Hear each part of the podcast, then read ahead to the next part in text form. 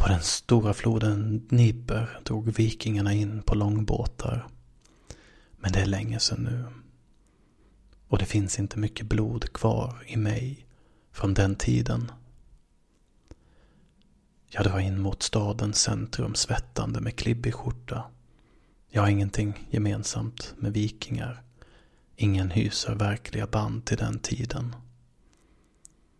Det är lagom svalt i gallerian. Jag känner mig lite lagom högfärdig när jag ser att H&M öppnat butiker här. Jag handlar melatonin. Jag handlar en massa grejer. Jag har stor lust, men inga idéer för poesi. Sitter vid datorn med fönstret öppet och hör den sjungande rälsen, den sladdriga metallvagnen som vränger sig fram, slamrande.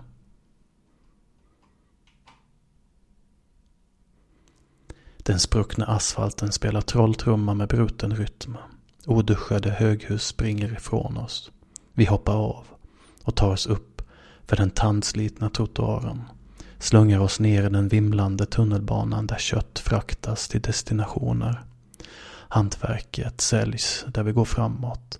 Raggsockor, grönsaker. Här kan man uppleva underjordiska restauranger och Tjernobyl. Här finns inga bekanta ansikten. Ingen som talar mitt språk.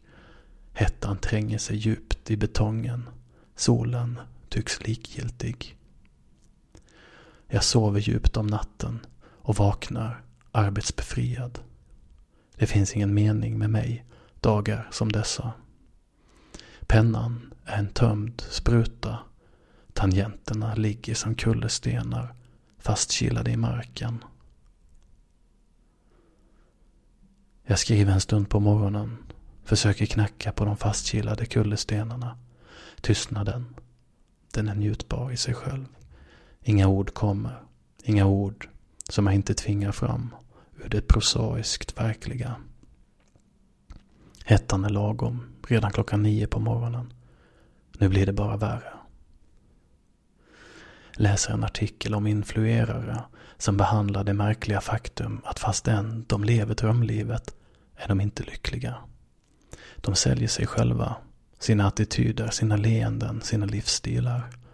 Och företag ansluter sig eller drar ut strömkabeln. Allt smink förvandlas till emballage. Det man älskade ser man nu för första gången. Man ser. Jag tänker att jag vore lycklig som influerare. Jag är inte som de andra.